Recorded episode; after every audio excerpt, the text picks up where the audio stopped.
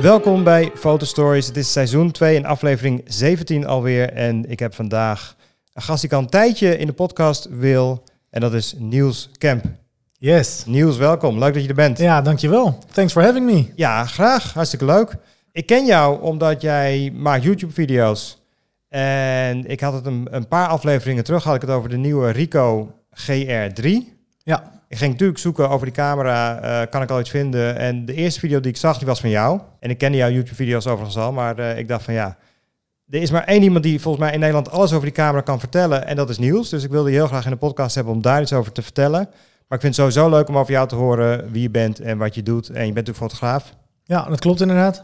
En eh, het is altijd leuk om met fotografen te praten over hun journey. Hoe zijn ze begonnen met fotografie? Wat doen ze nu? En eh, iedereen heeft zijn eigen stijl en daar wil ik graag wat, eh, eh, wat over horen. Dus nou, heel leuk dat je in de uitzending bent. Ja, dankjewel. Ja, laten we beginnen met, met het begin. Jij bent fotograaf, maar hoe ben jij begonnen met fotografie? Nou, dat is op zich een leuk verhaal, want mijn vader is fotograaf. Kijk, En toen ik op de middelbare school zat, wilde ik er nog niet heel veel van weten. En gelukkig heeft hij me ook niet heel erg gepusht. Dus op het moment dat mijn interesse kwam, toen kon hij mij er alles over vertellen. En dat was zo eh, ja, rond het einde van de middelbare school. ja, ja. Toen begon ik vragen te stellen en heb ik een eh, Nikon cameraatje gekocht. En Mhm. eh, ben ik begonnen met fotografie. Nou, dat sluimerde een beetje door. En Ja. op enig moment dacht ik van, ik heb inmiddels een GoPro. Ik hou wat van video bewerken en mijn fotografie. nou ja, dat ben ik wel lekker mee bezig met klusjes hier en daar. Maar hoe ga ik me nou onderscheiden ja. in deze turbulente tijd van social media en een overvloed aan foto's en ik eh, denk dat daar heel veel fotografen aan mee worstelen. ja, ja. precies. En omdat ik ook wel een sterke eh, nou, feeling had voor en met video, Ja. ben ik eigenlijk eh, ja, gestart met een YouTube-kanaal Ja. onder de naam Niels Camp Creative. Hoe lang geleden is het? Dat is nu Ongeveer? denk ik twee jaar terug. Oké, ja. En ehm, ook ja, in dat kader ben ik, eh, ben ik steeds meer straatfotografie gaan doen. Ja. Omdat het eh, zowel voor de videocontent als mijn eigen interesse heel erg had. Ehm, en in het kader daarvan ben ik dus met mijn Rico, die ik toen inmiddels gekocht had, Ja, ben ik eh, foto's gaan maken en video's gaan maken Mhm. over straatfotografie met de Rico. oké. En vanuit daar ben ik eigenlijk door hun benaderd van joh, je bent eigenlijk al een soort van ambassadeur, want je Ja. hebt gefotografeerd met die Rico Ja, GR2 zeker. die je hebt. Ja. Wil jij misschien voor ons ook eh, klussen gaan doen en samen met ons eh, content gaan maken? Oh, wat leuk. Ja, vond ik superleuk. En eh, dat is eigenlijk gegroeid tot een hele vruchtbare en positieve, fijne samenwerking. Waar ik ook dingen voor Pentax doe, want. Pentax is, is eigendom van Rico. Dus Hetzelfde bedrijf, zeg maar. Hetzelfde inmiddels. bedrijf, ja, precies. En zodoende hele leuke dingen gaan doen. Leuk. Is die, is die straatfotografie, is dat, is dat puur vanuit jezelf gekomen? Of is het ook wat, wat jouw vader deed? Want die heeft dus toch ergens wel wat, wat inspiratie neergelegd bij jou om, om ook in de fotografie te stappen. Ja, dus de koude basis van fotografie heb ik wel echt van mijn vader Ja. geleerd. Alleen, eh, nou ja, toch ook eh, andere generaties, eh, Ja. andere interesses en ook een andere mening over wat voor beelden er nou, hoe het hoort, zeg Ja. maar. Mijn vader is iets meer van een klassieke stempel en eh, die eh, wil alles technisch in orde maken. Ja, En ik ben denk ik iets meer van de, van de jonge creatievelingen die ook zoiets hebben van, nou ja, wat gesplitste tonen en Mhm. Ja, wat, ja. eh, wat variatie, dat moet ook kunnen. ja. Eh, mijn vader doet vooral uh, nou ja, uh, bedrijfs, familiedingen Ja. en, en af en toe een bruiloft en dat soort, uh, Mhm. dat soort klussen. Ja. En ik ben eigenlijk ja, steeds meer in de straatfotografie gerold. Er zijn wel twee hele totaal verschillende manieren van fotografie, denk ik. Ja, ja zeker Zeker weten. qua, qua, qua creativiteit inderdaad. En ja, met straatfotografie kan je natuurlijk alle kanten op eigenlijk. Ja, precies. Ik, het, het is wel, vind ik altijd een klein beetje de, de, uh, ja, de oorsprong van fotografie. Als, als je kijkt naar de, naar de oude meesters, als je dat zo mag zeggen, dan is straatfotografie er toch wel altijd een rode lijn in, volgens mij, van, van hele bekende foto's van vroeger. Ja, zeker. Er zijn uh, een aantal hele iconische foto's natuurlijk, Ja. die, uh, die je wel onder de noemer straatfotografie kan scharen. Ja. Wat ik heel leuk vind, is dat het zowel extreem makkelijk Mhm. als extreem moeilijk is. Ja. Want het is makkelijk omdat op het moment dat je naar buiten gaat, je neemt je camera mee, dan kan je in principe straatfotografie uitvoeren. Maar het is weer heel erg moeilijk om op het juiste moment, op de juiste tijd, met de juiste instellingen Mhm. en de juiste compositie het juiste beeld te maken. Ja. Dus er zitten heel erg veel lagen in. En dat, datzelfde geldt voor eh, de componenten van fotografie.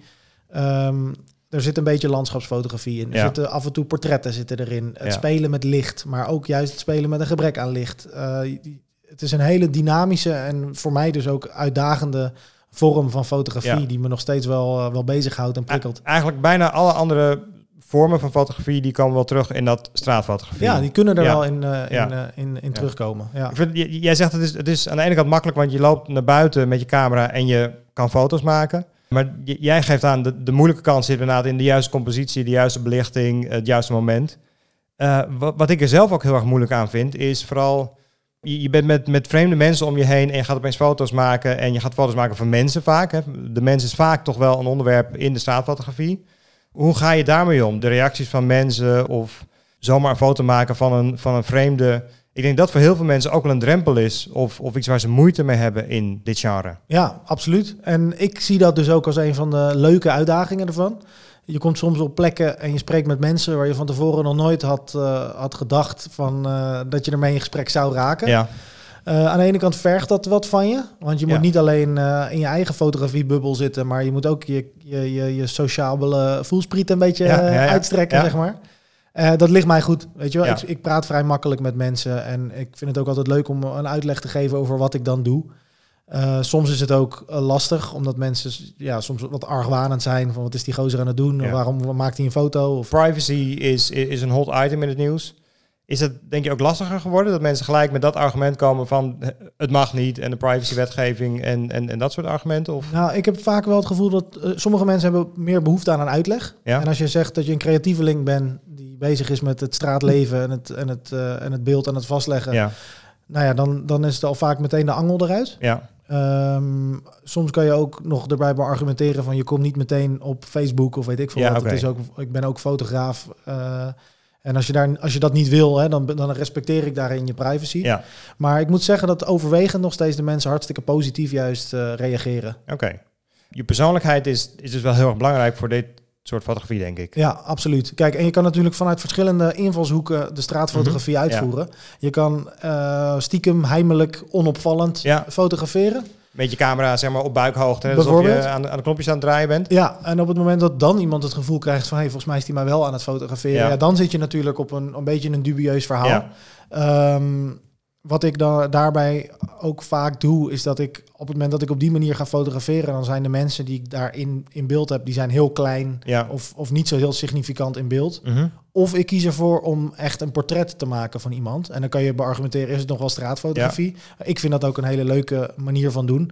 Maar, dan, maar dan spreek je eerst iemand aan Ja, en dan zeg je van mag ik een foto van je maken? ja, ja zeg ik, joh, ik ben straatfotograaf. Eh, Ja. Ik ben eh, bezig met het, eh, met het in beeld brengen van, van dit deel van deze wijk Mhm. of dit, deze Ja. stad of nou ja, weet ik het wat. En ik vind dat u een, een heel sprekend gezicht heeft of een mooi, een mooi haar. En mag ik dat misschien op de foto zetten? Hoe zijn de reacties daarop over het algemeen? Is dat heel erg wisselend? Of? Oké. Nou, bijna altijd goed. Ja. ehm, Dat kijk, heeft misschien ook te maken met wie je aanspreekt. Ik denk dat je daar ook wel voor jezelf een keuze in maakt. Of, of niet? Of kijk je gewoon puur naar die kop doet het goed op de foto? Of denk je ook van nou, misschien moet ik het aan die persoon niet vragen? Nou ja, soms dan zijn de mensen waarvan je denkt, aan hem moet ik het niet vragen. Wel Ja. juist de mensen met het meest, of een heel erg sprekend eh, Ja. gezicht of karakter. Ja, Ehm, ik kies daar wel, ja, je zoekt het een beetje uit, je voelt het een beetje aan. En soms dan heb je zodra je al oogcontact met iemand Ja. maakt, dat je denkt, oké, deze persoon die heeft duidelijk geen behoefte aan een gesprek of tijd of aandacht. En dan dus, loop je eh, dan loop ik verder. ja. Ja. Maar soms kan je het ook juist wel eh, verantwoorden. Juist eh, ja, van, die, van, die, van die lui die bijvoorbeeld een, een tatoeage in hun nek hebben of iets dergelijks. Weet je wel? Dat maakt vaak wel ook een, een heel sprekend beeld. Dat zijn natuurlijk ook vaak mensen die, die er ook bewust voor kiezen om een bepaald uiterlijk te hebben wat misschien... eh, nou, in ieder geval wat zichtbaar is, wat anders is, wat, wat, wat wellicht mensen aanstootgevend kunnen vinden. Ja. Eh, en die vinden het misschien dan juist wel leuk om daar positieve aandacht aan te Ja, want als je dat benoemt eh, vanuit het positieve, Ja, dan, dan is er bijna niemand die daar negatief op reageert. ja. En dan, soms is het wel van nou, leuk dat je het zegt, maar ik hoef niet op de foto. Oké, nou, ja. prima, maar ik ervaar dat dan niet als een negatief contact, zeg Nee. maar. Nee. En ik heb eigenlijk, voor zover ik me kan herinneren, nog nooit gehad dat iemand echt of agressief werd of me uitschold of, of echt Ja. zeg maar negatief reageerde. Ja. Zijn mensen dan ook benieuwd van na die foto van kan ik hem zien of kan je hem opsturen of wat nu? Ja, zeker. Komt, komt hij in de krant? Ja, ik heb altijd mijn visitekaartjes er dan ook bij me. Dus dat ik ze verwijs van, nou ja, mocht je, hè, vind je het goed als ik hem dan op mijn Instagram zet? Ja. Eh, dan kan je hem daarop terugzien. Ja. En eh, als zij willen dat ze die foto krijgen, dan, Ja. dan vind ik dat prima. Dan moeten ze me alleen even een mailtje sturen. Ja. En dan kan ik hem daar weer op, op terugsturen.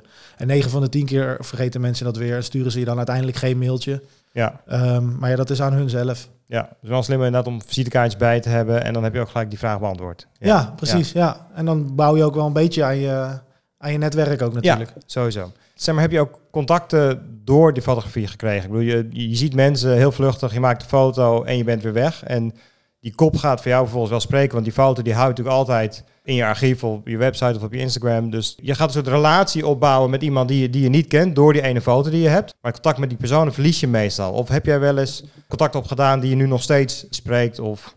Nee, ik heb niet zozeer echt eh, langdurige contacten eh door gekregen. Nou is het wel dat ik bijvoorbeeld een eh, juice bar in Amsterdam, eh, daar was een, een kerel die zat daarvoor en dat bleek Ja. achteraf zijn zaak te zijn. Nou, Oh, daar ja. ben ik nog wel eens binnengelopen. Ja, en, ja. eh, die vindt het dan grappig, die herkent me dan ook nog steeds als de straatfotograaf en, eh, en dat soort dingen.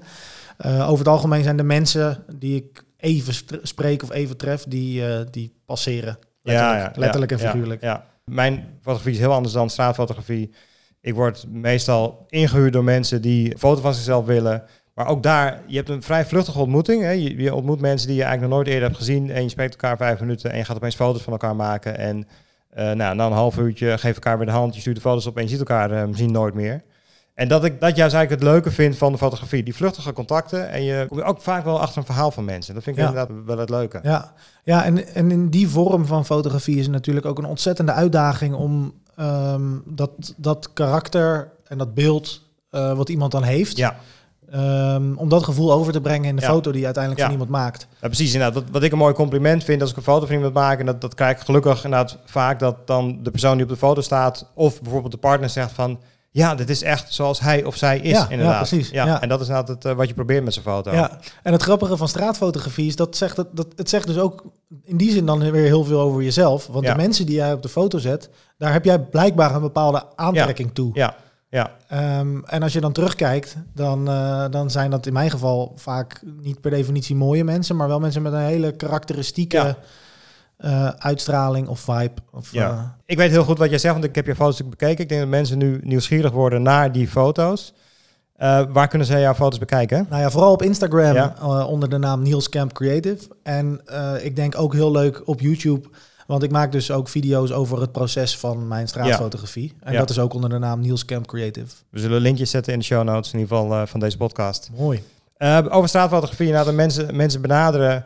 Ehm, jij doet dat met Rico-camera's. Ik zeg dat eh, heel bewust, want ik wil daar sowieso wel wat over weten. Maar ik denk de camera die je meeneemt op straat is ook heel erg bepalend voor hoe dat, eh, hoe dat overkomt op mensen. Als je met je grote spiegelreflexcamera met een, met een eh, 70-200 naar buiten gaat en die camera die lens in mensen hun gezicht duwt, dan, dan zijn de reacties denk ik anders dan wanneer jij aankomt met jouw Rico-camera. Ja, klopt. Het is, eh, het is een hele ontwapenende camera, Ja. maar het is wel een camera.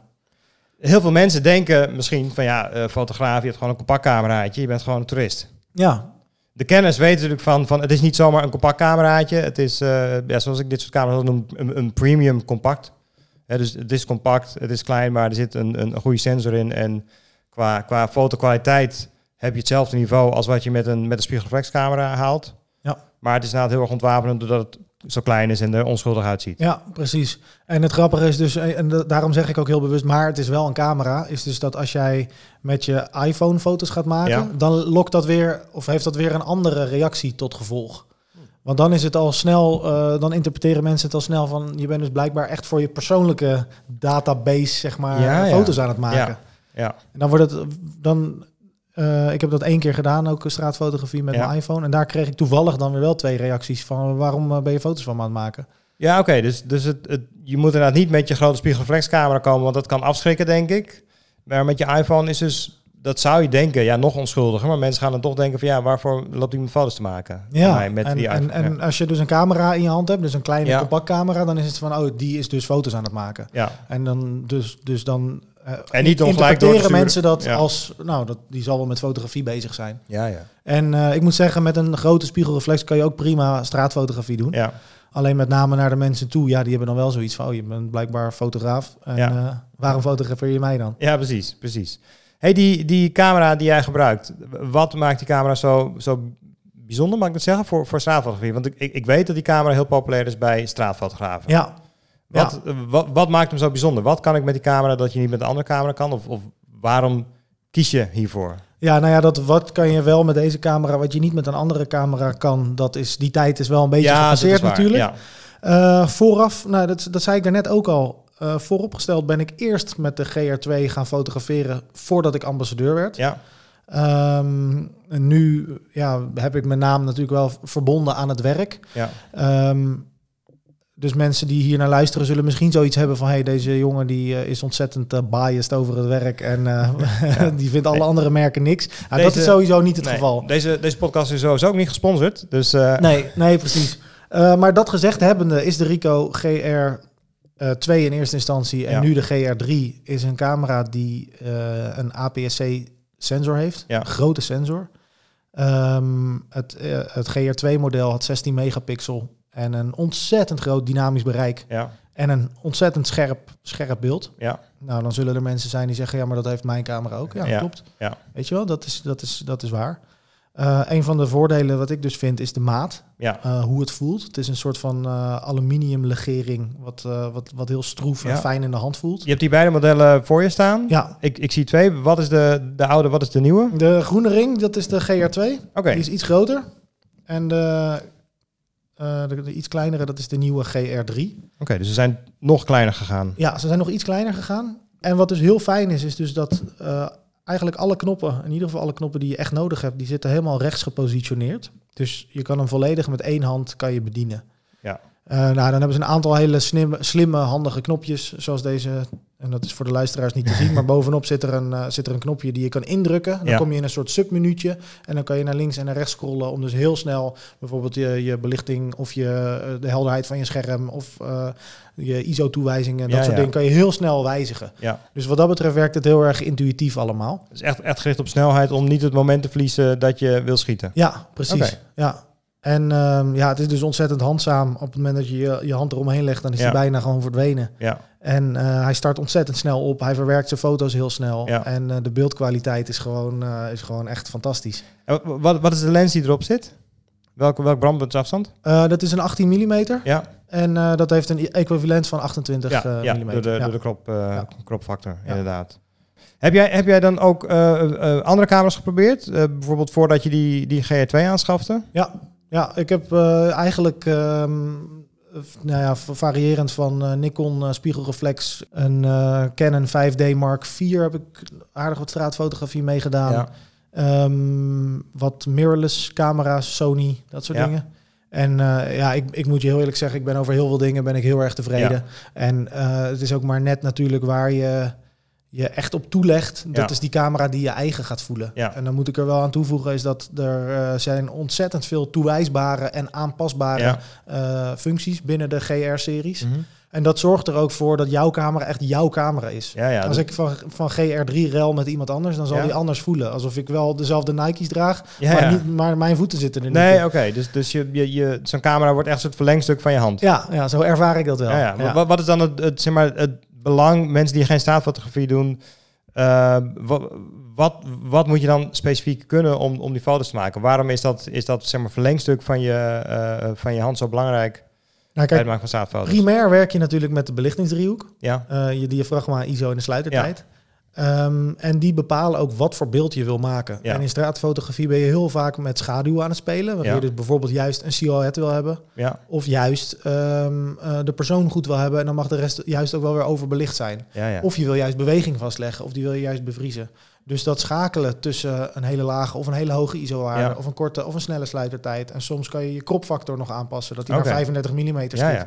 En dat is allemaal letterlijk voor mij een druk op de knop. Oké, eh, met, de, met de GR.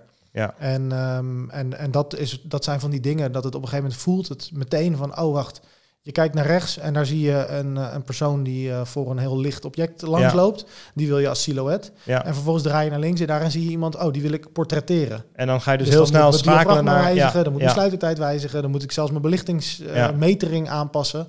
Ja. En, eh, en dat zijn allemaal dingen die, eh, die kan je letterlijk eh, met een druk op de knop of een, een, een schakel, schakeling van je hele menu, zeg ja, maar. ja. Du- Duurt het dan lang om, om, om je dat eigen te maken met, met zo'n camera? Of?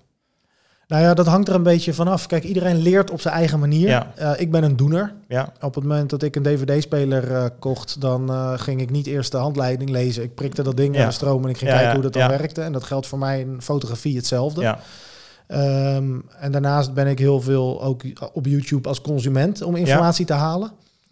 Ehm, maar andere mensen die zijn veel analytischer. Die willen eerst veel dieper alles uh, van voor tot achter Ja, weten, ja, de techniek. En gaan het daarna pas impl- implementeren in straatfotografie. Ah, Oké, ja. En ik, ehm, eh, ik ben van mening dat het niet lang hoeft te duren voordat je straatfotografie onder de knie krijgt. Nee. En ik denk dat het wel heel lang duurt voordat je er zelf tevreden over bent. Ja, ja. Want dat geldt voor mij ook nog steeds. Dat ik het gewoon, eh, ja, je legt een bepaald eh, verwachting en een bepaalde lat voor jezelf Ja. neer. En het is dan heel lastig om daaraan te voldoen.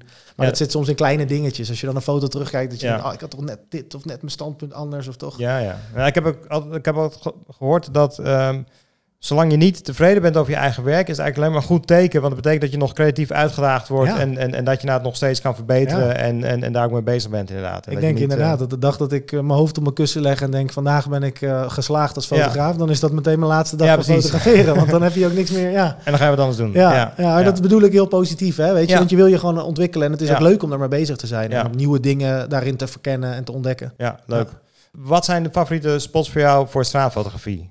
Maakt, Ehm, maakt het voor jou uit? Of kan je, zeg maar, je rijdt een stukje, stapt uit de auto en, en je pakt je camera en gaat aan de slag? Nou, dat is wel een beetje. eh, Is dat inderdaad zo? Ja. Met name plekken die mij vreemd zijn, die, eh, die, die vind ik altijd heel erg interessant om eh, in beeld te brengen. Ja. Want je, je krijgt een hele onbevangen blik. Ja, En ja, ik heb tien jaar lang in Amsterdam gewoond. ja, Dus Amsterdam ken ik natuurlijk best wel goed. Ja. En er zijn een aantal plekken die zich er heel goed voor lenen. Maar ik vind bijvoorbeeld een stad als Rotterdam ja, eh, vind ik ook geweldig. Ja. Met heel erg veel eh, glas en, en, en breed steen, verschillende materialen, meer nieuwbouw, en Ja. hoge gebouwen Ja. en, en eh, interessante lichtinvallen. En ehm, ja, uiteindelijk eh, kan je overal kan je mooie beelden maken natuurlijk. Waar zoek jij dan naar? Wanneer je kijkt om je heen, denk je van, ik moet nu daar gaan staan of, of, of ik zoek daar naar. Wat, wat zijn dan de interessante plekken om, om, om foto's te kunnen maken? Want je gaat natuurlijk denk ik op, op zoek naar een plek waar de kans dat je daar iets, dat daar iets gaat gebeuren, eh, eh, dat dat interessant is. Ja.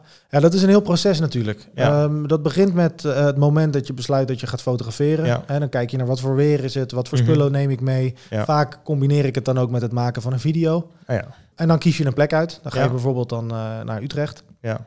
Ik noem maar wat. Het hoeft ook helemaal niet te- per definitie een grote stad te zijn Nee. hoor. Maar ik vind een grote stad heeft natuurlijk gewoon meer straten als een kleine stad. Dus kan je, kan je meer verdwalen en ontdekken. ja. En dan, eh, terwijl ik daar aan de wandel ga, dan Ja. kijk ik gewoon eh, om me heen. En kijk ik naar mensen en situaties. En afhankelijk ook van hoe het licht is, hoe de Ja. weersomstandigheden zijn, ga ik naar specifiekere dingen zoeken. Ja, ja. Kijk, als het al.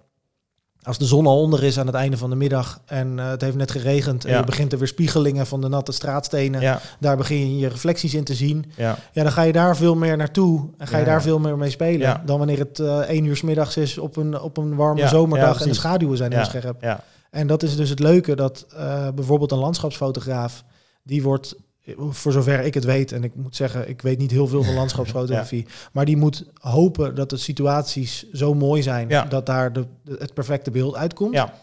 De wolken, het licht, et cetera. Precies, ja. ja. de tijd van de dag. En Ja. eh, je, je probeert dan daarin de, de, de juiste ehm, omstandigheden te vinden. Ja. Bij straatfotografie is het ehm, zo dat dus de, de omstandigheden zijn er. Ja, En daar ga je mee aan de slag. ja, ja. En daar ja. kies je dan ook de kracht voor uit. Of eh, daar maak je dan het beste van. Ja. En dat maakt in principe niet uit of het nou sneeuwt, of dat het mistig is, of dat het regent. Ja. Of dat het eh, zonnig is, of midden op de dag, of met golden hour. Of, weet je wel, er zijn Dus je, altijd... hebt- je, je hebt van tevoren niet echt een beeld wat je wil gaan doen. Je laat echt gewoon, gewoon wat er om je heen gebeurt. De stad vaak laat je spreken en vertellen. En de omstandigheden vertellen jou eigenlijk wat de foto Ja. kan gaan worden. Ja, eigenlijk wel. Ja. Eigenlijk wel. En, en loop je veel rond totdat je iets ziet? Of ga je ook gewoon op, op één plek staan en dan gewoon spotten totdat daar net iets gebeurt of eh, iemand voorbij komt waarvan je denkt van die wil ik op de foto zetten? Ik loop rond totdat ik iets of iemand zie. Ja, Ehm, nou is het wel zo dat ik eigenlijk twee verschillende...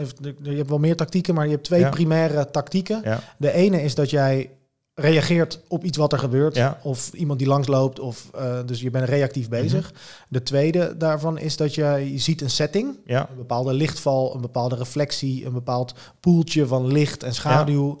En dan wacht je tot de juiste persoon of personen daarin lopen. ja, ja, En dan kan het wel zo zijn dat ik tien minuutjes ergens lang stilsta of op een bankje zit en mijn camera gereed hou op, op, om te wachten op precies het juiste moment dat die fietser daar doorheen gaat. Of, eh, Het is dus denk ik ook wel iets wat je echt in je eentje moet doen. Je gaat niet met, eh, eh, als je toevallig met je, met je vrienden of met je kind op stap bent eh, in de stad, kan je geen straatfoto's maken omdat je inderdaad... Je, je loopt echt richting het mooie licht. Of je gaat ergens 10 minuten staan wachten tot je iets moois ziet. En, en niet dat je gewoon denkt van... Oh, ik loop maar rond en als ik iets leuks zie, maak ik een foto. Nou ja, ik, ik probeer het wel, ook op Ja. vakanties en zo, Ja. weet je wel. Dan ben je er wel, je bent er wel gewoon lekker mee bezig. En ik moet zeggen dat ik dat ook heel fijn vind. Dat je er dan gewoon, je bent lekker met je foto's bezig en je bent ook gewoon gezellig aan het doen. ja. Maar om echt eh, tot de kern en eh, de goede resultaten Ja. te komen, is het vaak wel eh, dat je of in je eentje bent Ja, of met iemand anders die, die er ook mee bezig ja, is. precies. Ja. Want ja. dat, dat werkt ook juist wel weer versterkend. En dat is ook wel een van de adviezen die ik aan mensen geef die willen beginnen met straatfotografie of tegen bepaalde onzekerheden Ja. aanlopen. ja. Ehm, dan zeg ik vaak van kies iemand of zoek iemand op die, die het ook leuk vindt, die er Ja. ook mee aan de slag wil en doe het samen. ja, ja. Want dan heb je altijd, op het moment dat het eh, een, gesprek wordt met iemand of je, je, je moet je verklaren, dan kun je Ja. zeggen, ja, we zijn aan het fotograferen. Ja, oké. Dat, dat maakt het ook een stuk makkelijker inderdaad. Ja, ja. Leuk. Ehm, de foto's die jij, die jij maakt, zijn mensen daar altijd belangrijk van? Is dat het, het primaire onderwerp? Of, of, of kan het ook zonder mensen zijn? Zijn het ook eh, zeg maar stadslandschappen? Of, In principe staan eh, de mensen wel centraal. ja. Ehm, Is dat altijd zo in straatfotografie? Is dat, is, dat, is dat jouw keuze? Is, zijn daar genres in eigenlijk? Nou ja, kijk, je hebt natuurlijk een verschil tussen een persoon fotograferen en daaruit een karakter of een Ja. menselijk iets halen. Of een setting hebben waar je wel mensen in ziet. Eh, maar dat eh, uiteindelijk de mens misschien niet centraal staat, maar meer Ja. zorgt voor een aandachtspunt Ja. eh, visueel of een, manier om te schalen van hoe groot is nou Ja. datgene, waar ik, eh, datgene waar ik naar kijk.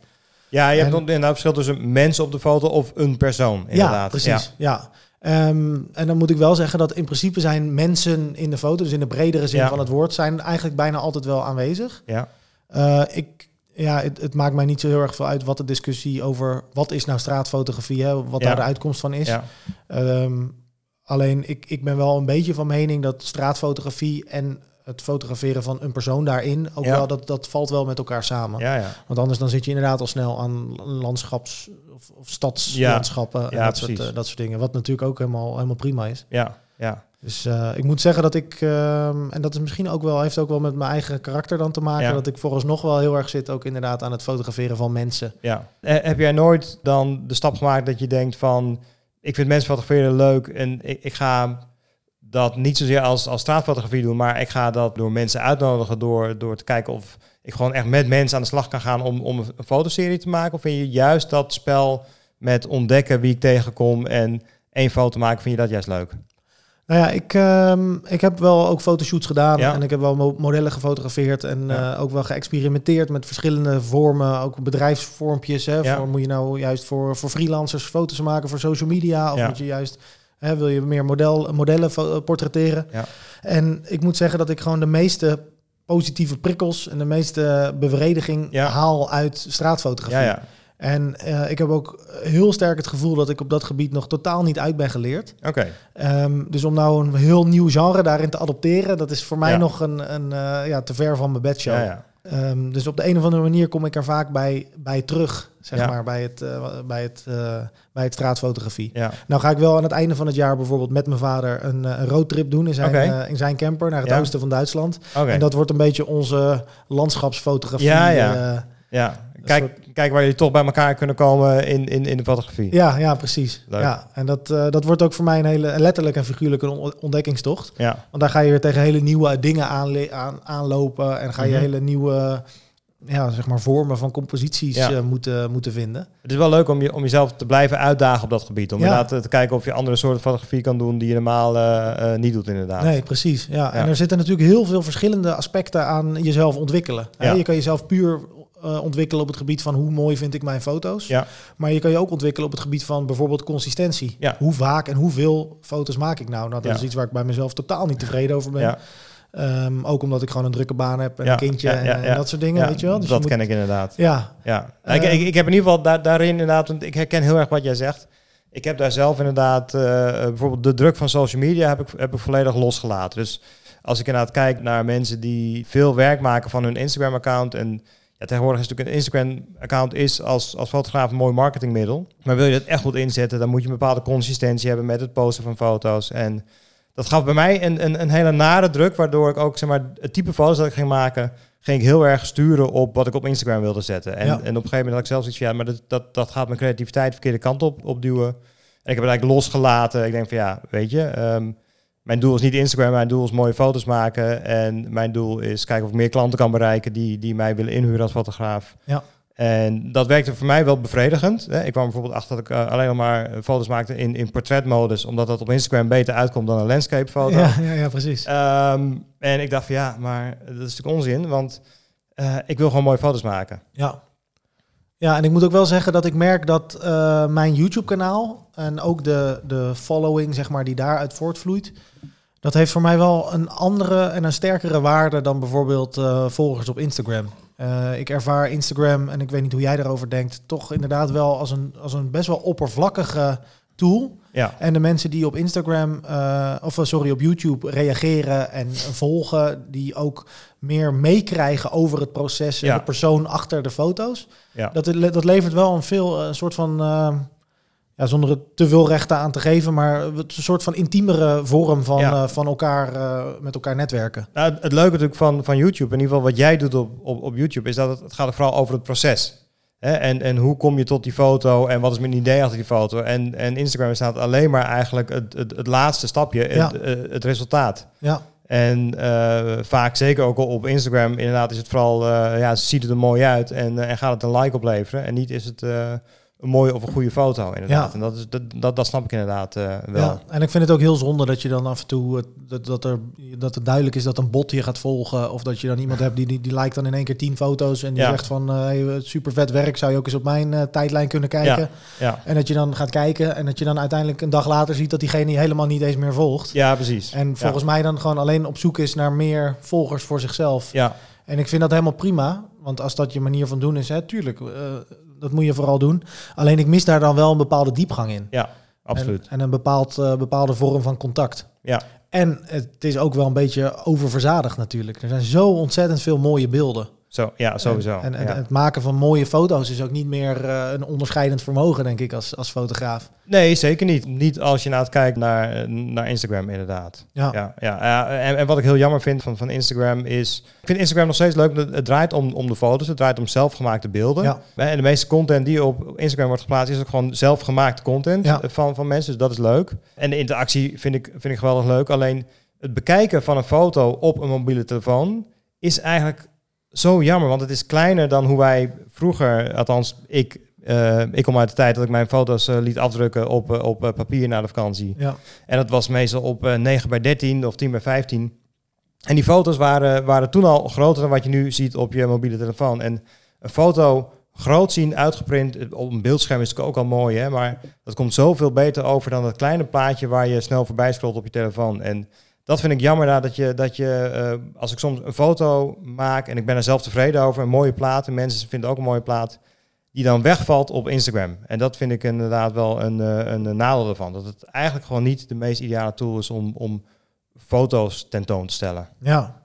En hoe zou je dat eh, dan wel aan willen pakken? Hoe zou jij dat zelf graag zien? Of hoe doe je dat zelf?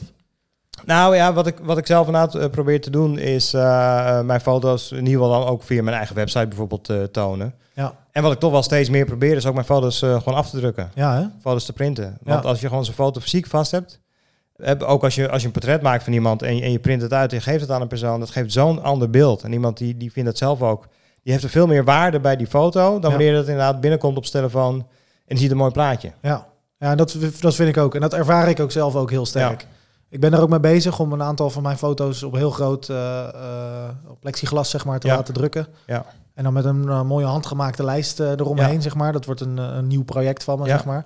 Alleen ik merk inderdaad dat, dat een, ehm, op het moment dat een foto echt een entiteit wordt... Ja, Dus je bent er mee bezig geweest, je hebt nagedacht over hoe moet het eruit zien... ja, En vervolgens komt het er ook op een bepaalde manier uit te zien. Ja. En het wordt ook daadwerkelijk iets tastbaars. ja Dan is voor mijn gevoel meer het cirkeltje rond. klopt. Dan wanneer dat je heb ik ook. alleen komt tot van nou, het is een digitale Ja, afspiegeling van een bepaald eh, technisch natuurkundig fenomeen, namelijk het vangen Mhm. van licht in beeld. Ja. En dan blijft het gewoon op je scherm, blijft het hangen. inderdaad, het tastbaar maken en, en het zien van erbij. En het heeft denk ik ook te maken met de manier waarop je zo'n foto inderdaad, eh, eh, sneller de details kan bekijken. Bijvoorbeeld, je kan natuurlijk inzoomen op, op, op je scherm, alleen je mist dan heel vaak weer het, het volledige beeld. En bij een foto die je in je hand hebt, kan je heel makkelijk eventjes zeg maar, inzoomen, gewoon de details bekijken en toch tegelijkertijd weer het geheel zien. En dat geeft een hele andere dynamiek aan een foto. Ja, inderdaad. absoluut. Ja. En het is ook minder onderdeel van een, eh, van een hele tijdlijn. Of van Ja. een, hele, een hele Instagram aan foto's. Ja,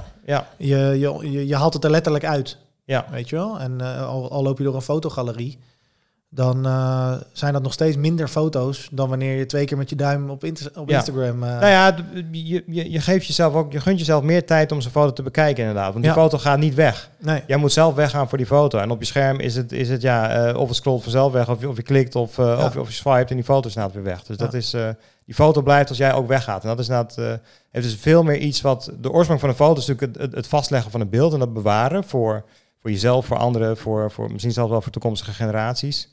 En op je scherm dat is toch vluchtig inderdaad. Ja. En als je hem hebt afgedrukt, dan weet je van ja, die foto is er over, over 100 jaar ook nog wel. Ja, precies. Moeilijk. Ja. Ja. Ja.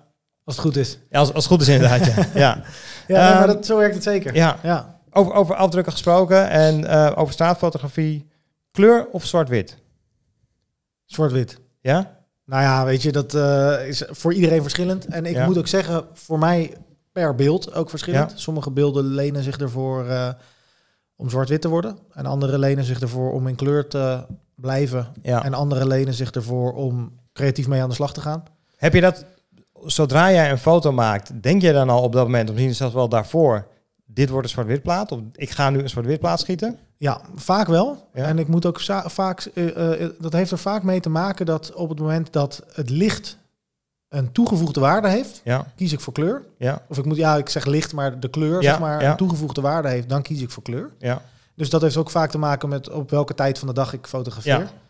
En eh, op het moment dat eh, de kleuren geen toegevoegde waarde hebben, of, een, of eigenlijk hè, gewoon, gewoon er zijn, maar niks, niks eh, toevoegen aan het beeld, dan haal ik ze weg en dan maak ik er een zwart-wit foto Ja. van. We hebben natuurlijk wel de mazzel tegenwoordig dat we, we kunnen het na de hand beslissen. We hoeven Ja. niet meer eh, van tevoren een, een rolletje erin te stoppen Nee, wat kleur precies. zwart-wit is. Ja, Ja. Denk je dat het ook komt doordat je als straatfotograaf of überhaupt als fotograaf, wat ik in ieder geval wel doe, ik kijk naar, naar fotografen van, van 20 jaar geleden, 50 jaar geleden. eh, eh, een held vind ik Henri Cartier-Bresson. Nou, die zou je ongetwijfeld kennen, denk ik. Eh, een van de eh, meest bekende fotografen, denk ik, in ieder geval in het straatfotografie-genre. Eh, dat is natuurlijk allemaal zwart-wit, maar dat komt gewoon puur door de tijd waarin die foto's zijn genomen. Er was geen kleur of niet, niet makkelijk beschikbaar. Denk je dat dat een invloed heeft op veel fotografen die nu die keuze maken voor zwart-wit? Een soort nostalgie? Of Ja, ik denk natuurlijk dat het wel een bepaald eh, herkenbaar, eh, herkenbare vorm van fotografie al snel oplevert. ja, Dan moet ik wel zeggen dat eh, de ene zwart-wit foto is niet de andere. Want Nee. puur eh, de, de knop zwart-wit indrukken, bijvoorbeeld in Lightroom, ja. maakt voor mij nog niet dat het dan meteen een geslaagde zwart-wit ja, foto is. Ja, Maar ik denk inderdaad wel dat ook met ook bijvoorbeeld de kor- korreligheid ja, en de manier waarop die analoge, die, die look, wat, wat dat doet ook met een beeld. En dat is weer, dan komen we weer terug op het, op het printen. Dat Ja, zie je nog ja. meer op het moment dat het ook daadwerkelijk op papier, ja, maar ook op, op, een, op een scherm zie je dat al. ja, Ik denk dat dat wel heel erg tot de verbeelding spreekt. En Ja. dat dat ook wel heel veel mensen ook inspireert om ook vandaag de dag nog dat soort beelden te maken. Schiet je dan ook met film bijvoorbeeld, om dat, om dat eh, Ja. gewoon ook echt, echt te krijgen? Ja, ik heb een, eh, toevallig een eh, Ricoh eh, KR10. Die heb ik ook bij Ja? me. Kan ik je nog wel even laten zien. Een analoge camera. Ik, ik stel voor dat we straks een foto maken van de camera's met jou erbij en, Ja. die, en die plaatsen we in ieder geval bij, eh, bij deze podcast. Ja. Dat, dat lijkt me leuk. En dan schiet ik op eh Ilford eh, 400 of 200 eh, zwart-wit eh, film. Oké, Ja. daar, heb ik vroeger ook veel mee gewerkt inderdaad, eh Ja. Ilford. Ja, leuk. En leuk. dat, eh, maar dat doe ik ook wel omdat het voor mijzelf een uitdaging is. Ja. En eh, ik ben er ook nog niet lang mee bezig. Nee. Ehm, volgens mij heb ik die camera nu drie, vier maanden geleden gekocht. En ehm, dat is ook wel ehm, een van de redenen waarom ik die camera heb gekocht. Is ook omdat ik merk dat ehm, het terugvallen op al je digitale makkelijkheden, om het Ja. zo maar even te noemen.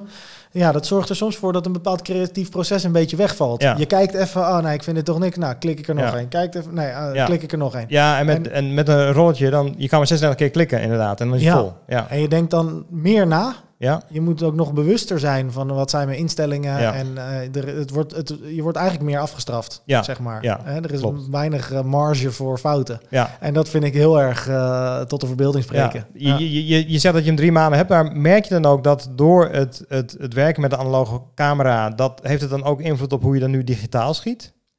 Dat je zeg maar die beperkingen misschien dat die je al hebben geholpen of geïnspireerd om ook digitaal op een andere manier te gaan denken of kijken? Nou ja, een beetje wel. Ja. Ehm, maar ook weer niet. Want ja, ik vind als jij, een, eh, als jij gewoon eh, 32 gigabyte in je... ja. Dan kan je aardig wat eh, foto's kan je schieten. En dan moet je hem ook gewoon gebruiken. En dan Ja. moet je dat ook gewoon kunnen gebruiken. Ja, ik. Vind, ik vind jezelf dat soort restricties opleggen om maar hè, in, het, in het creatieve Ja. te blijven. Ja, dat, dat, zo, zie ik het, zo zie ik het dan ook weer niet. Ja. Maar het, eh, het simpele, gewoon je camerabediening, Ja. hè, zorgen dat je horizons recht zijn. Eh. Of juist niet als je daarvoor kiest. Maar meer echt bewust zijn Ja. van de stappen die je doorloopt. Ja. Daar, daar, daar haal ik wel heel erg veel uit. In, het, eh, in het analoge. ja, leuk. Ja. leuk. Mensen die, mensen die met straatfotografie willen beginnen, ehm, wat zou je ze aanraden? Leer de basis van fotografie. En heb je het over, over je belichtingsdriehoekje? Ja. Want, je- want je schiet altijd manual, Eh, nee, of niet? Oké, Nee, nee, ik schiet vaak eh, diafragma voorkeurkeuze met, Ja. een, eh, met een max ISO. oké. Dus dan laat ik de camera de ISO bepalen. Dan Ja. bepaal ik mijn diafragma. Ja. En soms dan zet ik hem op een vaste sluitertijd. En soms laat ik hem ook de sluitertijd bepalen. Als ik dat doe, dan zorg ik wel dat de ISO niet boven de... Nou ja, dat, dat hangt er vanaf. Bij de Ricoh GR2 had ik hem op een max van 3200 of 6400. Ja, Met de Ricoh GR3 durf ik eh, 12.000 wel aan. oké. Die korrel die daaruit komt, vind Ja. ik... eh, die, is, die, die zie je wel. Ja, Maar die vind ik nog steeds heel erg werkbaar. ja, ja. ja. Ehm, terugkomend op jouw vraag, wat ik mensen zou adviseren. eh, leer de basis in zoverre dat je dus gewoon een camera kan bedienen. Ja. Dus dat je een beetje snapt hoe, hoe je nou een foto maakt. Ja, Ehm, en dat je net even uit die automatische stand kan. ja, ja. Weet je wel? Ja. Dus dat, dat, dat je gewoon een beetje kan spelen met scherpte, diepte en sluitertijd. Ja. Dat, dat is het eigenlijk vooral. En vanuit daar heb je eigenlijk al een prima uitgangspositie om straatfotografie Ja. te leren. En kijk vooral ook heel erg eh, om je heen van wat gebeurt er. Hè? Er is ontzettend veel YouTube-content. Er zijn Mhm. ontzettend veel mensen op Instagram. Er zijn ontzettend veel beelden die, eh, waar je naar kan kijken. Niet zozeer van, oh, dat is zo knap, dat ga ik nooit kunnen. Maar meer van, oké, deze persoon heeft dus blijkbaar eh, gebruik gemaakt van een langzame sluitertijd. Ja, ja. Oh, moet je kijken hoe dat licht valt in deze Ja. foto. En dan ga je dus bepaalde dingen die je al eerder hebt gezien, die ga je Mhm. herkennen in situaties die je tegen gaat komen op Ja. straat. Ja, en dan En ga je dat toepassen. ga je dat Ja. toepassen. En dan eh, kom je terug met heel veel foto's en dan ben je Ja. over geen enkele foto tevreden. Ja, En dan ga je de volgende keer weer op straat en dan ben je misschien over één foto tevreden. ja. Hoeveel, hoeveel eh, keepers hou jij zeg maar, uit, uit, uit één sessie? Je gaat de straat op, je loopt door Amsterdam, je geeft jezelf bijvoorbeeld twee uurtjes op een zaterdagmiddag. En dan kom je terug met, ik, ik weet niet hoeveel foto's, eh 100, 200, Ja, eh, het 800. verschilt heel erg. Nee, dat zijn er zeker geen 800. Oké. Ik denk inderdaad 100 of zo, Ja. zoiets. Ja. En, en ehm, heb je dan ook wel eens da- dagen dat je denkt van, nou weet je, het was leuk, ik heb geoefend, maar er zit echt niks bij wat ik, wat ik durf te plaatsen? Ja, Oké. ja zeker Ja, ja, wel. Ja, ja. En dat heeft er ook mee te maken dat... De- ehm, Demotiveert je dat dan niet? Of? Nou ja, kijk, dat heeft ook een beetje met je, met je eigen processen te maken. En ik eh, heb eh, af en toe nog wel eens de neiging om de lat vrij hoog te leggen Ja. voor mezelf. Want of je tevreden bent over een foto. Kijk, er zijn mensen die foto's maken waar 90% van de mensen van vindt dat ze geen mooie foto's maken, Ja. maar die zijn wel tevreden. Ja. En dat werkt ook andersom. Er zijn mensen die zijn niet tevreden over hun eigen werk, terwijl heel veel mensen zeggen van nou, je maakt al mooie Ja. foto's. Dus je moet daar altijd ook wel een beetje voor waken. Dus vaak kom ik terug met foto's en dan kijk ik ernaar. Ja. En dan in de meeste gevallen zitten er één of twee of drie keepers eh, tussen. Ja. Maar ik kijk ook zeker nog wel eens een keer terug naar het werk wat ik in het verleden heb gemaakt. Want soms dan zie ik in één keer weer dingen in beelden die ik eerder heb gemaakt, die ik daarvoor of daarna niet heb gezien. Ja, en dat je denkt van eigenlijk is het een goede foto. Of ik kan er wat mee. Of ik heb een idee voor de bewerking. Die Ja. dat dan. eh, ja. Ja. Doe jij veel nabewerking? Uiteraard, dat als je naar zwart-wit gaat, dan doe je daar dingen mee. En wat jij zegt, inderdaad, dat doe ik zelf ook. Een zwart-wit bewerking is iets heel anders dan gewoon alleen maar de, de kleur terugdraaien. Inderdaad, je gaat op een hele andere manier om met je, met je contrast bijvoorbeeld. Ja. Maar doe jij überhaupt veel bewerking? Eh, ik doe best wel wat bewerking. Ja. Eh, met Lightroom eh, doe, ik- doe ik best wel veel. Ja. Dat is zo de hooglichten, schaduwen, Ja. nou ja, dat, de, presentie, al, al, al dat, soort, Ja. dat soort dingen. Wat, wat zeg maar toevoegt aan de foto. Ja, Ehm, en daarin ga ik dan ook kijken van is het inderdaad die zwart-wit foto die ik voor ogen had of moet ik toch voor kleur? Nou, dat soort, dat soort afwegingen maak ik allemaal dan in de, de post-processing. ja, Ehm, wat ik niet doe is echt dingen weg photoshoppen en, en dat soort dingen. ja, Eh, behalve dan heel af en toe toch een, een klein puistje op iemands gezicht Ja, of net een hele eh, als er een heel klein knopje ergens net uit iemands schouder steekt. Ja, weet je wel, Ja, dat soort kleine dingen wel. Alleen ik doe niet echt zeg maar het bewerken van foto's met een Nee. hele andere lucht of Nee. een hele andere achtergrond Nee. en dat soort dingen. Nee, dus het is wel echt de werkelijkheid die jij laat zien in de foto's, inderdaad. Eh, ja, mijn, mijn interpretatie daarvan. Ja. Ja, inderdaad. Ja, ja. de foto is natuurlijk altijd interpretatie, inderdaad. Ja, precies. Maar het is inderdaad niet zo dat de, het beeld wat je van mij ziet, dat dat een beeld is wat niet bestaat. Of dat je net even een lantaarnpaal weghaalt omdat je denkt van dat is storend in de compositie of... eh, Nee, nee, in principe niet. Nee. Wat ik wel af en toe doe, is eh, kroppen. Ja, ja. en dat moet, ik, moet ik ook zeggen, dat, dat is ook waarom eh, ik, ik ben heel erg tevreden ook over het aantal megapixels en de, en Ja. de beeldkwaliteit van die Ja. GR. Dus er is ook wat marge om te kroppen. Ja, En ehm, ik heb af en toe nogal eens de neiging om mijn camera niet helemaal recht te houden. Ja. Dat is mijn, eh, mijn eh, persoonlijke aandachtspuntje. ja. Maar dan weet je wel, dus even de horizon recht zetten Ja, even een klein stukje kroppen. Dat, dat soort dingen doe ik wel. Ja. Maar dat is, vind ik ook niet iets om je voor te schamen. Nee, Het is zeker gewoon het beeld wat je Nee, uiteindelijk nee. wil, eh, Nou, wil bereiken. Sterker nog, dat, dat, dat deed ik vroeger in de donkere kamer waar ik mijn foto's afdrukte, deden we dat ook inderdaad gewoon. Ja. Dus dat is, eh, dat is eigenlijk niet iets van, eh, van de laatste tijd inderdaad. En jij, doe jij veel bewerking achteraf? Ehm, ik, ja, ik, ik bewerk natuurlijk de foto's, maar ik ben wel heel erg inderdaad van de, van de school dat, dat de foto moet natuurlijk blijven inderdaad. Dus ik ben, ik ben zeker bij portretten eh, ben ik geen voorstander van de, de, de overbewerkte portretten die je veel op Instagram ziet inderdaad. ja, Waarbij eh, vooral de dames eh, een plastic huidje krijgen. ja. En de ogen half uit je hoofd. Precies, ja. ja. Ik, ik, ik doe zakelijke portretten en, en een klant is tevreden als, als de rimpels niet heel erg duidelijk zichtbaar zijn. Maar dat doe je in principe doe je dat al door je licht, dus bij het maken van de foto. En ik eh, haal bijvoorbeeld een pukkeltje, zeg maar tijdelijke dingen. ja. Als iemand net even een ongelukkig pukkeltje heeft, zo, dat haal ik weg. Maar voor de rest moet iemand er gewoon uitzien zoals hij eh, eruit ziet. En dat is mijn eh, manier van bewerken. Maar en zakelijke fotografie, ik wil inderdaad ook nog wel eens inderdaad eh, eventjes hem recht trekken of dat soort zaken. Nou, het bijsnijden doe ik ook. Maar over het algemeen is het inderdaad voornamelijk alleen maar de kleur en contrast. En zorgen dat de foto net even iets lekkerder eruit ziet dan, dan hoe die zeg maar uit de camera komt. ja, precies. En maak je daarin dan liever een foto die dus ehm, vanuit het licht al nagenoeg perfect is?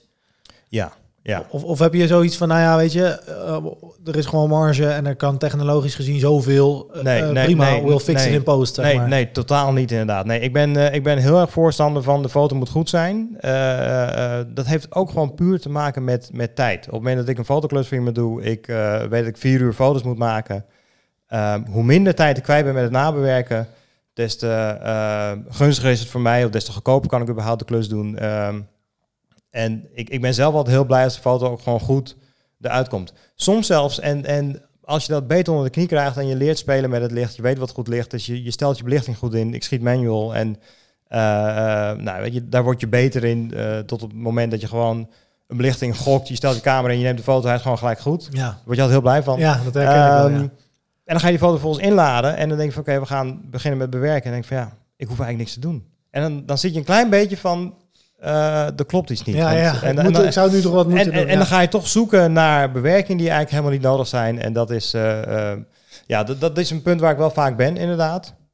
Maar waar, wat ik bijvoorbeeld wel heel erg fijn vind, is als ik aan het schieten ben, inderdaad, ja, soms mis je net een moment dat je belichting niet goed is en dan zit je net een stop ernaast. Ehm, ja, dan wil ik nog wel eens nadenken van, ja, weet je, die ene stop kan ik wel corrigeren. Ik trek hem omhoog en dan maar iets meer korrel en eh, ik gooi hem er gewoon tussen. Ja. Dat is over het algemeen niet zo erg. Eh, maar dan hebben we het over een foto in een serie. En datzelfde geldt bijvoorbeeld voor, voor de witbalans. Eh, ja, witbalans kan je natuurlijk volledig eh, eh, fixen na de hand, zonder dat het invloed heeft op de kwaliteit van de foto. Dus heel vaak inderdaad eh, denk ik totaal niet na over de witbalans. Eh, ik fotografeer dan vaak een hele lastige situatie waarbij je bijvoorbeeld tussen, tussen eh, binnen en buiten, of in ieder geval kunstlicht en daglicht moet fotograferen. Ja. In situaties. Hè. Je hoeft maar één keer om te draaien, het licht is totaal anders. En dan denk ik van ja, dat, ik, ga gewoon, ik schiet gewoon en dat ga ik dan na de hand wel fixen. Want dan kan ik me tijdens het, het schieten van de foto's kan ik me bezighouden met de juiste momenten pakken. En dan doe ik dat na de hand wel. Ja. Maar ik ben inderdaad heel erg voorstander van de foto moet goed zijn, het licht moet goed zijn. En ik ga niet na de hand met, met eh, bijvoorbeeld bij een portret met dodge en burn daar nog eh, schaduwen op, eh, op aanbrengen of zo. Nee, nee, zeker Nee. niet. Nee, ja, dat, nou, ik moet zeggen, ik vind dat, aan, ik vind dat super knap. Ja. En ik, ik deel wat dat betreft ook zeker je mening en je visie. Alleen af en toe ben ik of niet, niet, genoeg, niet goed genoeg als Ja, fotograaf, Ja, of te veel slaaf van wat er allemaal om me heen gebeurt. ja. Dat ik dan inderdaad wel ook een beetje de mentali- mentaliteit heb van oké, ik maak de foto. Ja, En die is dan misschien technisch niet helemaal perfect, maar Ja. breng wel het verhaal over. ja, ja. Weet je wel? En dat is natuurlijk ook wel eh, een verschil. Hè, van eh, kan je je licht al helemaal eh, instellen en bepalen. En dan heb je de tijd en de ruimte om erover na te denken. ja, hoe je dan uiteindelijk tot je, tot je foto komt. ja. Of loop je rond en denk je, shit, zowel rechts als links gebeurt iets Ja. wat, wat ik Ja, eigenlijk ja, vast wil leggen. ja. Dus, eh, Ja. En ik heb maar één of in ieder geval, ik, ik heb maar één gelegenheid om die foto te maken. Ja, ja. En dan moet je natuurlijk heel snel handelen. En inderdaad, soms dan, heb, dan denk ik achteraf van oké, eh, je ziet eh, bewegingsonscherpte Ja, in, eh, in, de, in de mensen. ja, En dat had ik eigenlijk niet gewild. ja. Maar ja, aan de andere kant is de setting en de compositie en het verhaal wel kloppend. Ja. Nee, maar ik, ik vind het ook niet erg als een foto inderdaad niet, zeg maar, als een foto technisch niet goed is, vind ik op zich ook inderdaad niet, niet zo erg inderdaad. We, we weten natuurlijk in de geschiedenis, sommige van de beste foto's zijn gewoon technisch gezien niet goed. Ja. Die zijn inderdaad bewogen of ja, compositie inderdaad op de horizon is scheef. En zijn toch goede foto's omdat ze gewoon iets in beeld brengen. Dus, dus daar ben ik ook niet zo eh, tegen eigenlijk. Nee, precies. Ja. Nee. Hey, hoe sta jij zelf eh, in het, eh, het verspreiden en behouden en het bereiken van jouw je legacy, zeg maar, de- en, en je volging daarin? Want jij hebt natuurlijk een podcast, Ja. die volgens mij het best goed, best goed doet Ja, en veel, ja. veel mensen bereikt. Zeker, zeker. Heb je nog andere dingen waarvan je denkt van, nou, dit is voor mij wel mijn manier om ook als fotograaf te profileren, maar ook om mensen te inspireren?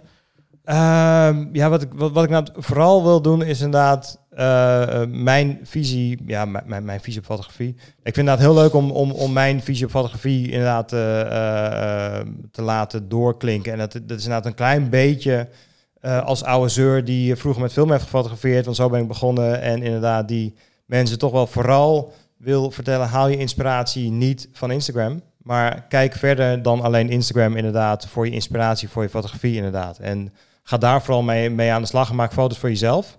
In eerste instantie, niet voor anderen. Omdat ik denk dat je daarmee creatief gezien een heel stuk eh, verder komt. En vooral ook, maar ik denk dat wij daar al, allemaal slachtoffer van kunnen worden inderdaad. Focus niet te veel op de apparatuur. In deze podcast bespreek ik natuurlijk veel apparatuur. Jij hebt het ook hier met de Ricoh-camera's. Ik denk ook zeker dat, dat de luisteraars die geïnteresseerd zijn in de zaadfotografie... of die dat misschien al doen, deze camera's eens moeten gaan bekijken... En, en wat je daarmee kan en wat de voordelen daarvan zijn. Maar het maakt inderdaad niet zoveel uit inderdaad wat voor camera je hebt. Ga gewoon foto's maken en dat is het allerleukste. En ik test wel eens camera's in deze podcast. Ik krijg camera's opgestuurd van, eh, van merken die ik dan test. En ik heb het eigenlijk nooit over de kwaliteit van de foto's die ik maak. Want dat maakt dus eigenlijk niet uit. Het gaat niet om de kwaliteit. Het gaat erom, vind je die camera prettig? Is die lekker eh, te bedienen? Is de batterij snel leeg? Dat soort zaken. Maar Ja. de foto's die je ermee kan maken, of zijn ze goed? Ja, als ze goed zijn, dat hangt niet van de camera af. Dat hangt van jou af, inderdaad. Ja. Dus eh, dat is eigenlijk wat ik, wat ik wil overbrengen op mensen, inderdaad. En focus op dat proces, op het, op het lol hebben in het, in het foto's maken. En tevreden zijn met de foto's die je zelf hebt gemaakt. En, en, en leer daarvan en kijk daarnaar. En eh nou, print ze ook uit. En kijk vooral zelf, wat wil ik beter. En ga dat niet kijken van... Ik zie alleen maar eh, mooie foto's op Instagram. Die krijgen eh, 100, 200, eh, 500 likes. En dat wil ik gaan namaken. Ja. Ja, nee, ik ben het er volledig mee eens. Ja. En, en inderdaad ook met name mensen die beginnen met fotografie... Ja. of weinig ervaring hebben, of het gevoel hebben dat ze nog niet veel ervaring hebben, die zijn vaak, ehm, eh, tenminste dat krijg ik veel terug, eh, best wel overweldigd door wat er allemaal, hè, door wat er allemaal is en hoeveel Ja. fo- goede fotografen er zijn. En dan denken ze, ja, maar zo goed ben ik helemaal niet. En Ja. hoe, hoe, hoe kan ik dan, want ik wil eigenlijk hè, op punt C zijn, maar ik ben nog maar Ja. op punt A. En, eh, Ja. en dat ehm, de, je focussen op het proces en op het maken van de beelden, dat is daarin veel belangrijker. Ja, absoluut. Want als jij een, een, een spiegelreflexcamera gebruikt, weet je wel, een Nikon D eh, 5000 of 5100, Ja. ik, ik zeg maar wat. ehm, en dan ben je vaak, of tenminste dat hoor ik dan, snel geneigd van ja, maar mijn camera is ook niet goed genoeg en Ja. ik loop achter en er zijn Ja. zoveel meer en betere camera's, dus dan ben ik als fotograaf nog niet Ja. eh, ja, goed genoeg of ben ik er nog niet of misschien leid ik wel gezichtsverlies als ik dan ja. bij andere mensen ja. aankom. Ja. En ehm, dat is best wel destructief ook allemaal. En ik vind Ja. het zonde. En ik, ik, dat is ook wat ik, waarin ik voor mezelf ook wel echt een doel stel, is dat ik graag mensen wil, wil inspireren om, eh, om niet in, aan die kant van het spectrum te gaan zitten, maar juist gewoon aan het creëren, Ja. weet je wel? En dat wil je ook vooral met je YouTube-kanaal eh, Ja, doen. ja, absoluut. Leuk, ja, leuk. En, en, en, dat, en, en, en dat, ik bedoel, ik ben zelf ook helemaal nog geen eh, aut- eh, hoe zeg je dat, autoriteit op het Nee, gebied van straatfotografie nee. bijvoorbeeld. Ik leer ook heel veel dingen en ik Ja. probeer dingen en dan gaan er dingen mis. En ik ben ook vaak helemaal nog niet tevreden over de beelden die ik maak. En ik denk juist dat als ik mensen meeneem in dat Ja, proces, zeker. dat het echt ontzettend eh, tot de verbeelding kan spreken. En Ja. mensen ook juist kan inspireren van oké, nou weet je, hij geeft een aantal hele goede tips. Ja. Het is ook duidelijk dat hij wel, eh, wel weet waar hij het over Ja. heeft. Ja. Maar is ook gewoon een gozer, net zoals ik. Of, of weet je wel, het is ook gewoon iemand die die dingen probeert, net Ja. zoals ik. ja. En eh, De- Denk je wel dat, dat, dat mensen, eh, mensen kijken misschien toch tegen je op, want je hebt een YouTube-kanaal en dat, dat, is, dat spreekt voor sommigen tot de verbeelding. ja, En dan gaan ze toch denken van ja, maar wat hij kan, kan ik niet, want ik heb geen YouTube-kanaal. En, en eh, dat ze dan toch daardoor niet alleen jou, maar ook de foto's op een voetstuk plaatsen? En, en dat het dan, dan toch demotiverend werkt misschien? Of, of, of denk je helemaal niet? Nou ja, dat, dat kan. En het heeft er ook maar net uh, mee te maken van wat haal je eruit. Ja. Want uh, zoals de, nou die, die GR2 die hier ligt, die heb ik van mijn eigen, eigen centjes gekocht. Ja. Die GR3 die krijg ik omdat ik ambassadeur ben. Ja, Uh, en dat is ook iets waar mensen van zoiets zouden kunnen hebben van ja, wacht even, maar jij krijgt toch camera's, Ja. weet je wel? Van wat heb jij nou te vertellen? Ja, want, ja. uh, Of juist van ja, want hij krijgt die camera's en dat kan ik nooit bereiken, want ik ben geen ambassadeur. En, uh, ja, maar goed, jij bent twee jaar geleden, zei je, ongeveer begonnen? Of heb jij de camera nee, gekocht? ik ben wel langer. ge- Ja, ja, die GR2 met straatfotografie ben ik, eh, ben ik twee jaar geleden ongeveer. eh, Ja, gestart. nou ja, goed. En eh, eh, jouw foto's zijn blijkbaar gezien en eh, je hebt een telefoontje gekregen van Rico. Dus dat, eh, ja. Het kan wat dat betreft snel lopen. En, eh, en daar heeft mijn YouTube-kanaal ook wel aan bijgedragen. Ja, maar ja, de boodschap is van eh, eh, iedereen kan het. En iedereen kan het ook op zijn eigen manier. Ja, En je moet eh, je richten op het doen en het maken. ja, En, zeker. eh, en een beetje wegstappen van, die, van, de, van de gear acquaintance en zoveel mogelijk spullen en zo dure mogelijke spullen. Omdat het anders niet zou werken. Ja, ja, dat sowieso inderdaad, ja. Ik denk dat een hele leuke boodschap is voor de luisteraars van deze podcast. Ga het gewoon doen en richt je niet te veel op, op gear. Ga naar buiten, ga een dagje proberen straatfoto's te maken. Dat is denk ik wel heel erg eh, eh, leuk om gewoon te doen. Eh, ik moet het zelf ook doen trouwens. Ik, ik, ik vind het zelf ook lastig om mooie foto's te maken op straat, om, om daar de onderwerpen te vinden. Wat dat betreft vind ik het fijn als ik gewoon een, een commerciële klus heb, want dan word ik ergens neergezet. Ja. Ik mag daar foto's maken, dus ik weet wat ik moet doen. Hè. Ja. Dus, ik, dus ik ben dan een paar uur ben ik in de zone. Ik schiet foto's van als wat los en vast zit. Ik maak daar een verhaal van. En ja, op straat moet je op zoek gaan naar het verhaal. Ja. Dat, is, eh, dat is denk ik wel eh, de kern van straatfotografie. Wat, eh, wat voor mij in ieder geval de grootste uitdaging is om daar mee aan de slag te gaan. Ik ga een video van jou kijken om te kijken of ik daar wat meer mee kan. En dat raad ik ook aan aan de luisteraars die, die daarmee aan de slag willen gaan om dat te gaan doen. Ja, leuk. Niels, mag ik je heel erg bedanken voor eh, je komst naar de studio. Ja, bedankt eh, om mij eh, te ontvangen. Absoluut. Ik vond het leuk om te praten over fotografie. Dat, dat, wat dat betreft kan ik dat urenlang doen. Dus wie weet dat we, dat we dit binnenkort nog een keer doen. Om gewoon verder te praten over fotografie. Dat wil ik ook zelfs met meer mensen gaan doen. Dus als je nog een andere fotograaf weet waarvan je denkt van daar kunnen we een leuk gesprek mee hebben. laten we die zeker ook uitnodigen en ook erbij doen. Want ik denk vooral het, het praten over het proces en hoe je zelf begint met fotografie en, en, en je eigen eh, onzekerheden misschien en je eigen groei dat dat vooral voor mensen eh, werkt om ook zelf aan de slag te gaan met, eh, met fotografie. Ja, ja, dat denk ik ook. En dat is leuk om, dat, eh, om daar ook wat over te vertellen en dat, eh, dat platform te krijgen. Dus eh, bedankt. Ja, ja, absoluut. Nou, graag gedaan. Eh, linkjes naar jouw website, naar jouw YouTube en naar jouw Instagram, die gaan we zetten in de show notes. Dus dan kunnen mensen zien, die kunnen jouw video's bekijken en jouw foto's op Instagram. En we gaan je volgen. Yes, dankjewel. Dat was alweer een nieuwe aflevering van de Fotostories podcast. Vind je nou leuk om naar deze podcast te luisteren? Vertel het dan vooral aan anderen. Je kan ook een recensie achterlaten en een beoordeling, bijvoorbeeld bij iTunes. Dat kan je doen op je telefoon. Ga naar de Apple Podcast app, zoek daar naar Fotostories. Dan komt als het goed is deze podcast bovenaan te staan. Klik die aan en scroll dan even naar beneden bij de ratings en reviews. Of in het Nederlands denk ik recensies en beoordelingen. Daar kan je op het aantal sterren klikken dat je deze podcast waard vindt. Bijvoorbeeld op 5 als je hem echt heel goed vindt of 4 als je hem oké vindt. Ehm, en je kan ook wat vertellen wat je van de podcast vindt. En daardoor wordt namelijk die podcast beter gevonden door anderen die ook geïnteresseerd zijn in dit onderwerp. Dus daar zou je mij heel erg mee kunnen helpen. Doe dat echt een keertje. Want dat, eh, nou, dat doet mij in ieder geval echt heel veel als ik dat soort eh, beoordelingen zie binnenkomen. Je kan mij ook altijd direct een berichtje sturen. Bijvoorbeeld op Twitter of op Instagram. Ik ben daar Gijs de Koning, daar kan je me vinden. En eh, ja, laat me daar ook weten wat je van de podcast vindt. Of stel me gewoon een vraag. Of misschien heb je wel een leuk onderwerp voor deze podcast. Of misschien denk je van ja, maar ik heb ook iets leuks te vertellen over fotografie. Ik ben fotograaf. En wie weet ben je wel een leuke gast voor een volgende aflevering. Laat me dat ook vooral weten. Voor nu, dankjewel voor het luisteren en tot de volgende keer.